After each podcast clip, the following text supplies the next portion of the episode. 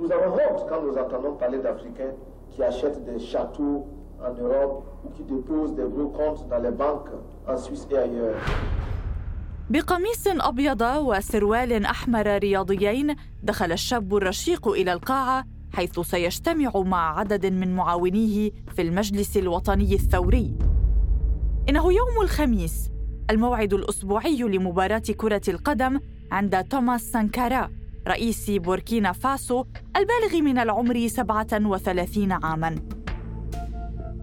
عند الرابعة وخمس عشرة دقيقة في الخامس عشر من تشرين الأول أكتوبر عام 1987 وصل الرئيس بسيارة بيجو 205 مبتسما وواثقا ليناقش كيفية حل الخلافات الإيديولوجية المتزايدة بين الفصائل المتناحرة في حكومته.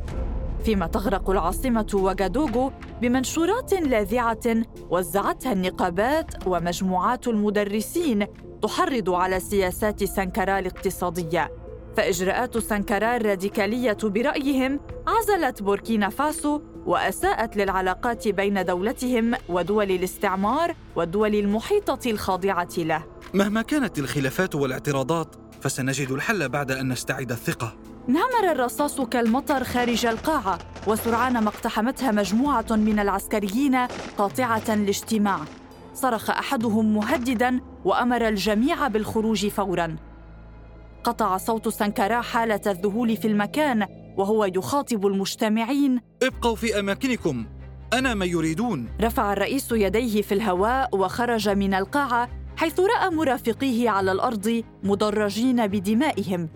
مباشرة أطلق الجنود عليه عشرات الرصاصات التي مزقت جسده ثم عادوا إلى القاعة وأطلقوا النار على باقي المجتمعين لكن أحدهم نجا بعد أن تظاهر بأنه ميت ليروي تفاصيل الجريمة التي أودت بحياة ثائر أفريقيا ورجلها النزيه. أهلا بكم إلى بودكاست خارج الذاكرة. خارج الذاكرة.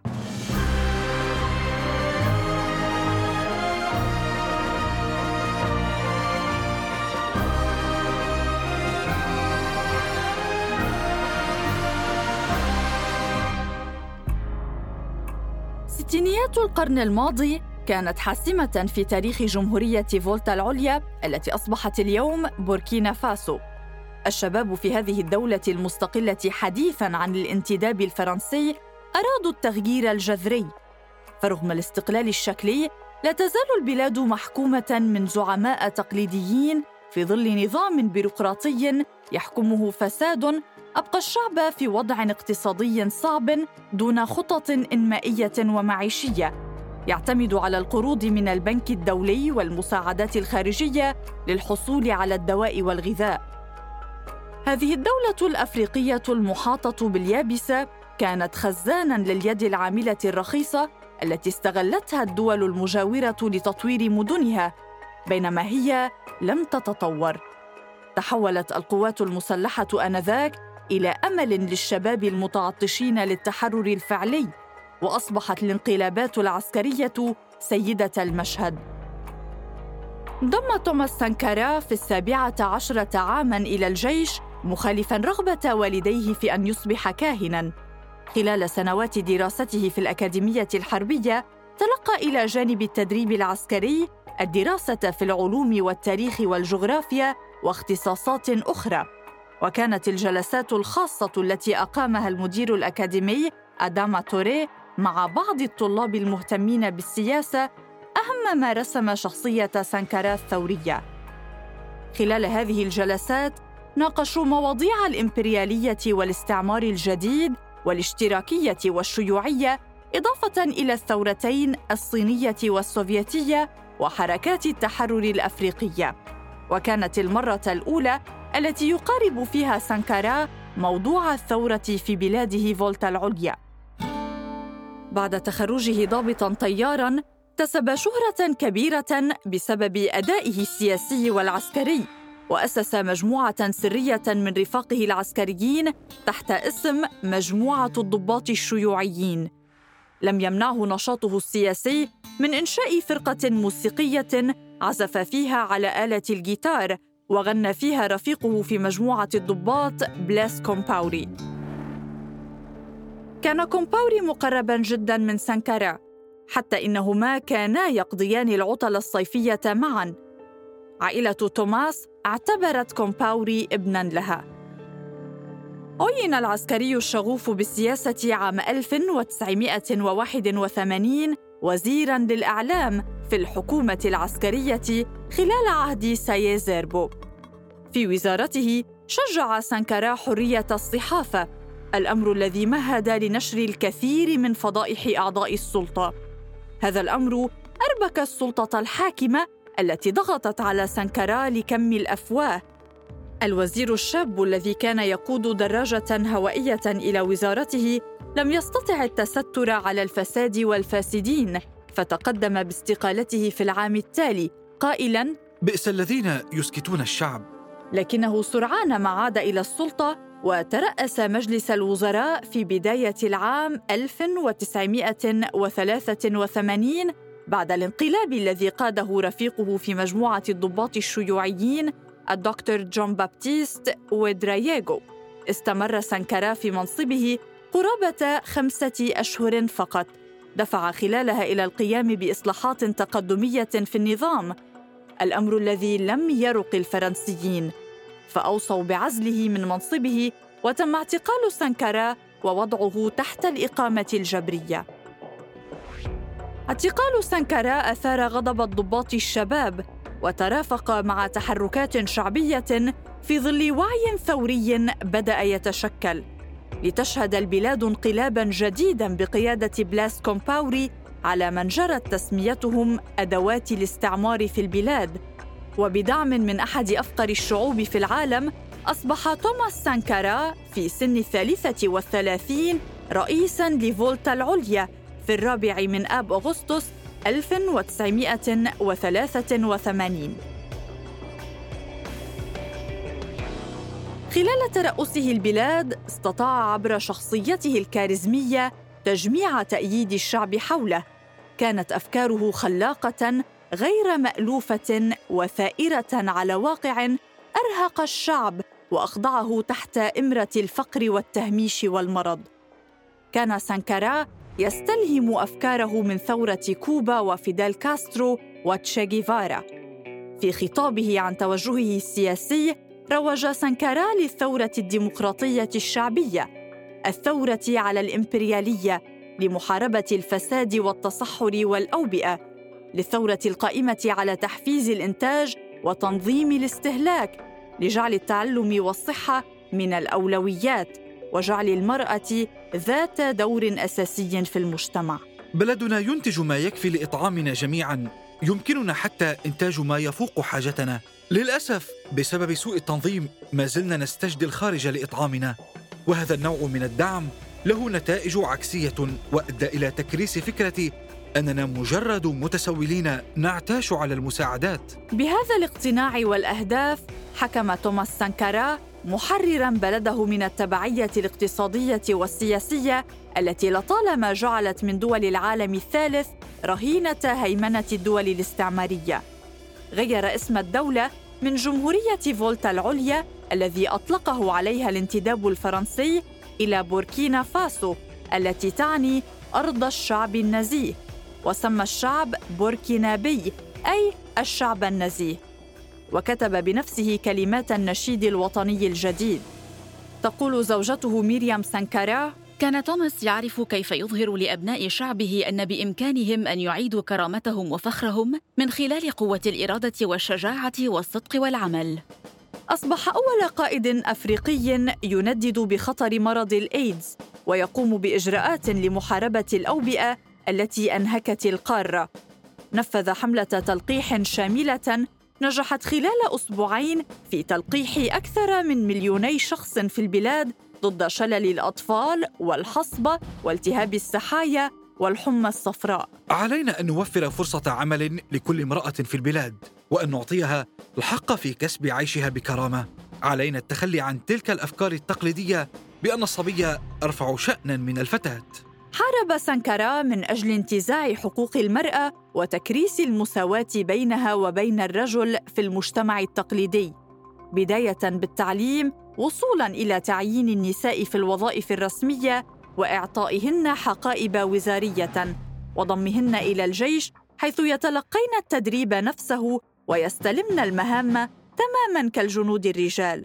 منع التزويج الإجباري وختان النساء وشجع الرجال على القيام بمهام منزلية مثل الطبخ والتنظيف وشراء الحاجيات بهدف إزالة السلطة الذكورية عن المنزل.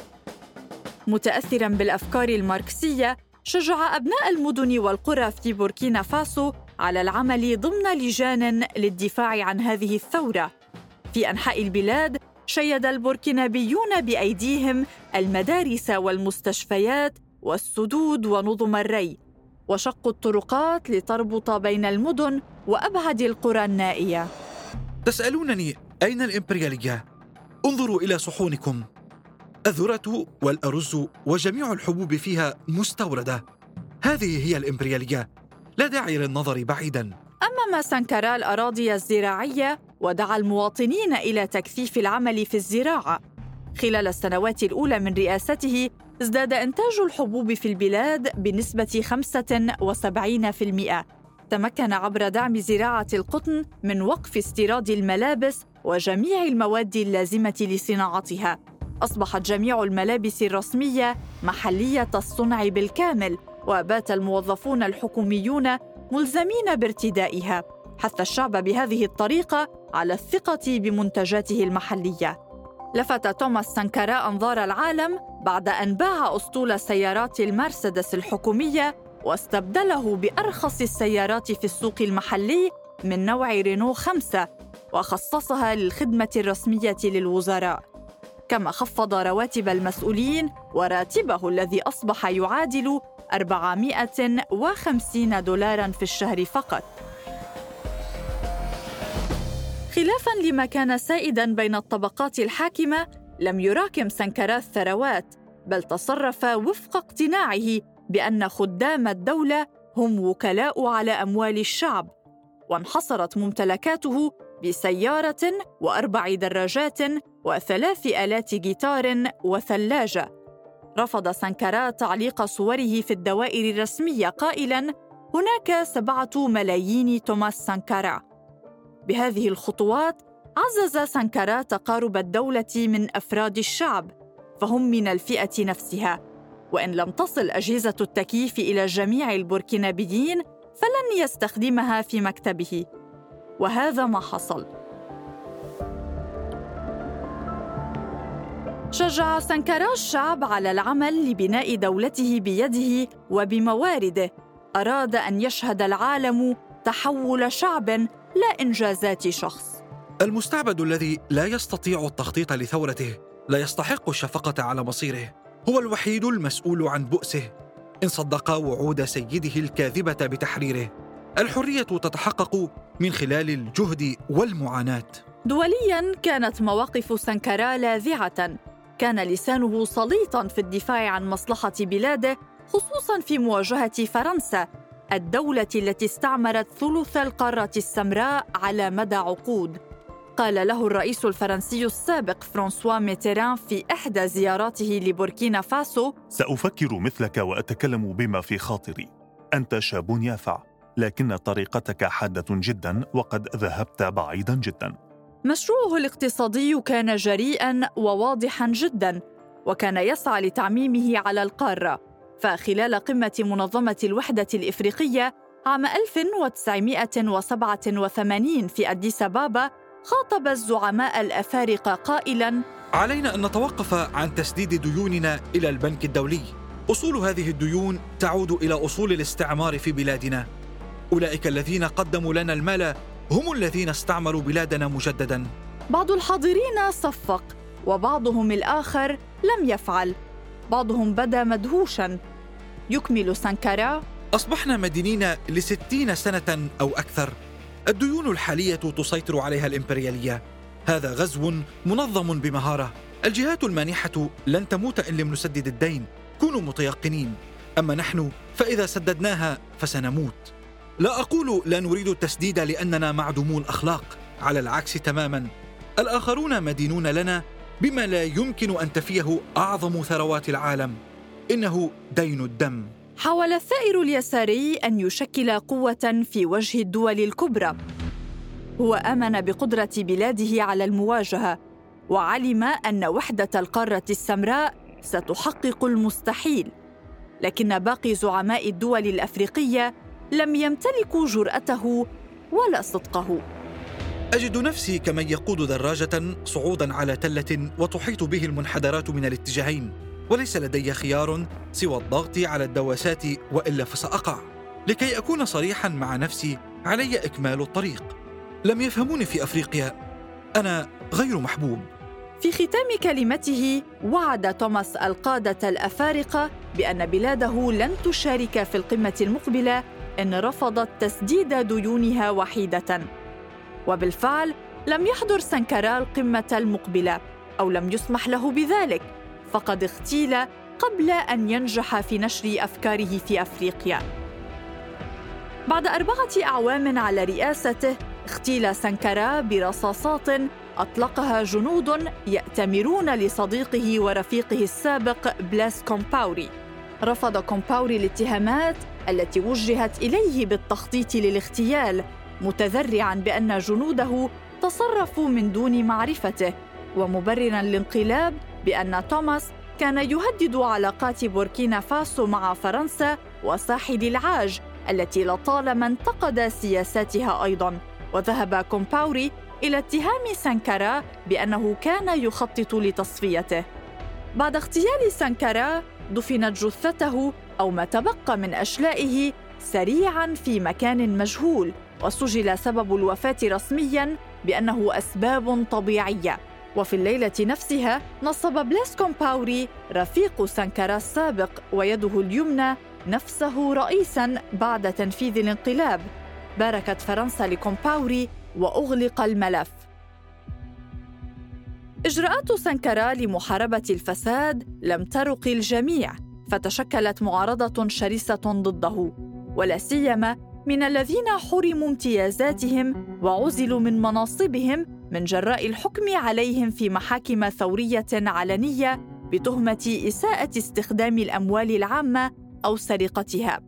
كان سانكارا يعي أن نهايته باتت وشيكة. المعلومات الاستخبارية أشارت إلى مخطط كومباوري لاغتياله لكنه رفض أخذ أي إجراءات بحقه وأصر على مقولته نحن لا نخون. إذا أرادوا خيانتنا فهذا شأنهم. كل محاولات كومباوري لطمس ذكرى سانكارا من خلال تشويه سمعته والضغط لمنع فتح ملف اغتياله قضائيا فشلت. جيل بأكمله تربى على قصص هذا الثائر الذي أعاد لشعبه كرامته وثقته بنفسه. ناشطون سياسيون حول العالم يحفظون إرثه ويعملون بجدية للوصول إلى إدانة المسؤول عن اغتياله ومحاسبته هذه المساعي تعززت بعد إطاحة بلاس كومباوري في احتجاجات شعبية عام 2014 أنهت ديكتاتوريته التي استمرت 27 عاماً وأوصلت البلاد إلى وضع اقتصادي صعب. إن الثوار بشر ويمكن قتل أجسادهم، لكن لا يمكن قتل أفكارهم. قالها سانكارا قبل اغتياله بأسبوع خلال حفل في العاصمة واغادوغو لتخليد ذكرى وفاة ملهمه الثوري تشيغيفارا وبالفعل بعد مرور أكثر من ثلاثة عقود على رحيله لا يزال جيل سانكارا حول العالم حياً مخلدا اسمه إلى جانب تشيغيفارا وفيدال كاسترو وغيرهما من الثوار. بودكاست خارج الذاكرة. إعداد وتقديم سارة خازم. إشراف بلال عبود. إخراج حسين حجازي.